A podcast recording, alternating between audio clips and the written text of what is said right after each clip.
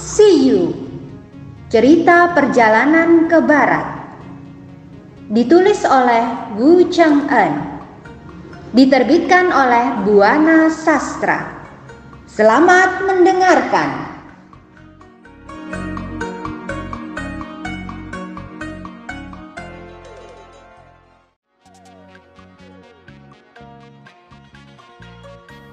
Mendengar laporan Yuji Jingde, Kaisar sangat senang. Kaisar teringat janjinya pada Raja Akhirat. Ia ingin memenuhi janjinya itu, maka ia akan mengadakan sembahyang besar-besaran yang akan diberi nama Shiulu Dahui. Untuk memeriahkan penyelenggaraan upacara besar ini, Kaisar telah mengundang biksu dari seluruh negeri.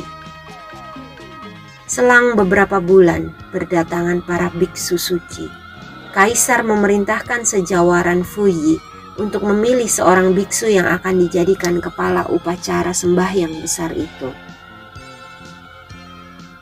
Ketika Fuyi menerima tugas itu, ia mengajukan beberapa pendapat. Sebenarnya, Buddha itu tidak ada. Sedangkan membaca doa hanya akan membuat orang malas bekerja. Mati dan hidup itu sudah merupakan takdir pada zaman Sanwang dan Wudi juga tidak ada pelajaran Buddha. Baru pada zaman Kaisar Ming dari dinasti Han muncul agama itu. Menurut pendapat hamba, sekalipun di tanah barat India, agama itu tersiar luas, tapi kehadirannya di Tiongkok tidak sah. Hamba anggap agama baru itu tidak layak untuk dianut dan dipelajari. Kata Fuyi. Mendengar pendapat Fuyi, Kaisar lalu mengadakan sidang. Kaisar meminta pertimbangan para menterinya. Maaf yang mulia, kata Menteri Xiaoyu. Hamba sama sekali tidak setuju dengan pendapat Fuyi. Hamba yakin Buddha itu baik karena ajarannya bisa menjauhkan manusia dari kejahatan dan bisa membantu negara untuk mendidik rakyatnya. Buddha adalah orang suci jika dia bukan orang suci, tak mungkin dia punya ajaran. Oleh sebab itu, hamba minta agar Fuyi dihukum. Fuyi tak mau menyerah kalah begitu saja. Ia lalu menjawab, Adat istiadat kita mengajarkan untuk merawat dan menghormati orang tua dan raja. Sebaliknya, ajaran Buddha mengabaikan orang tua. Coba bayangkan, dia malah mengajarkan orang supaya pergi bertapa untuk menjadi biksu. Jika ajarannya kita turuti, siapa tahu suatu saat ajaran itu akan mengajak rakyat untuk menentang negara dan kaisar. Jika Siayu menganggap ajaran Buddha itu baik, berarti dia mendukung ajaran supaya orang tidak menghormati orang tuanya. Siayu penasaran. Tahukah Anda Adanya neraka membuat orang takut berbuat dosa, dan adanya surga membuat orang mau berbuat baik. Mendengar keributan di antara menterinya, Kaisar jadi kebingungan, lalu meminta pendapat dari dua menterinya yang bernama Bendaharawan Zhang Daoyon dan Kepala Sekretaris Zhang Shiheng. Yang mulia, kami amat percaya pada ajaran Buddha. Kami berpendapat ajaran itu tak boleh diabaikan namun lepas dari pendapat kami, kebijaksanaan tetap berada di tangan yang mulia selaku junjungan kami, kata salah seorang menterinya. Mendengar pendapat kedua menteri itu, Kaisar menganggap pendapat itu cukup bijaksana. Kemudian Kaisar mengambil keputusan. Beliau akan menjunjung ajaran Buddha. Kaisar juga mengeluarkan ancaman bahwa barang siapa tidak percaya kepada Buddha dan menentangnya akan dihukum. Kaisar meminta Wei Cheng, Xia Yu, dan Zhang Daoyuan untuk mengumpulkan para biksu. Dari kelompok para biksu itu, lalu dipilih seorang yang akan ditunjuk menjadi kepala semua biksu. Pemimpin biksu inilah yang akan memimpin upacara sembahyang besar itu. Wei Cheng dan kedua pembantunya mengumpulkan para biksu, juga mengeluarkan pengumuman agar rakyat tidak merusak kitab suci dan menghina ajaran Buddha. Pada hari kedua, Barulah Wei Cheng dan kedua pembantunya berhasil memilih seorang biksu bernama Cheng Xuanzong yang akan diangkat jadi pemimpin para biksu.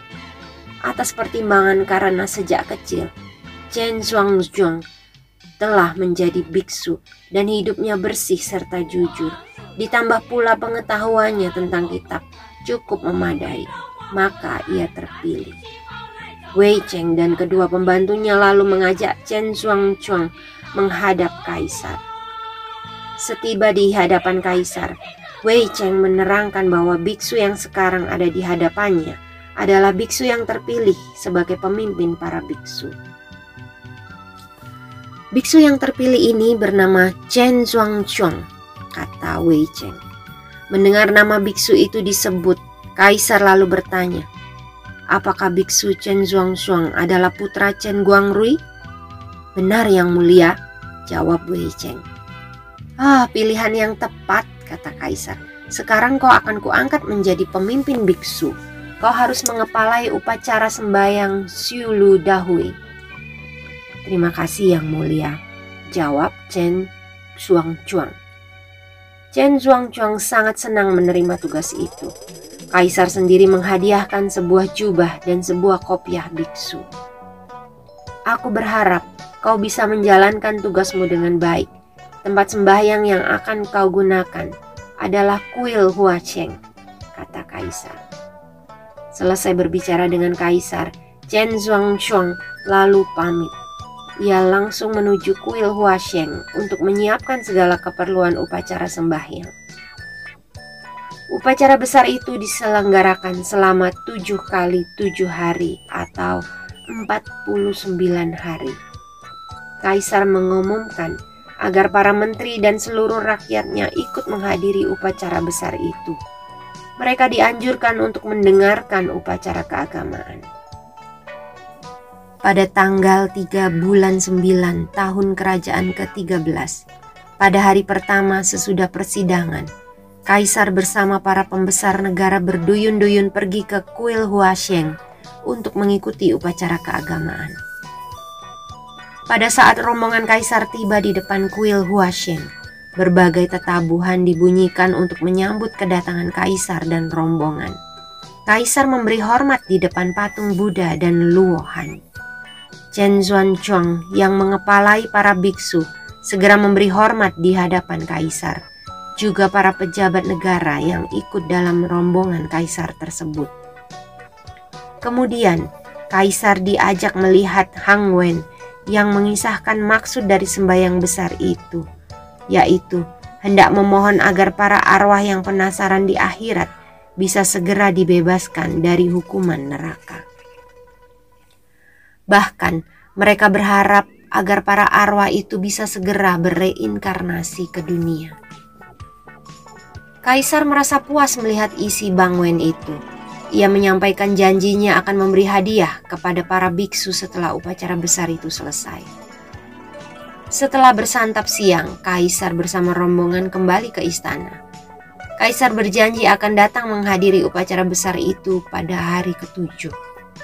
Setelah Kaisar kembali ke istana, pembesar pun pulang ke rumah masing-masing.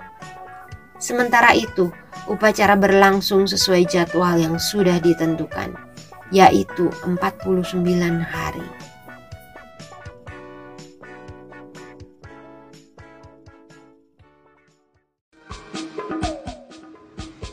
Dengarkan kisah selanjutnya. Terima kasih.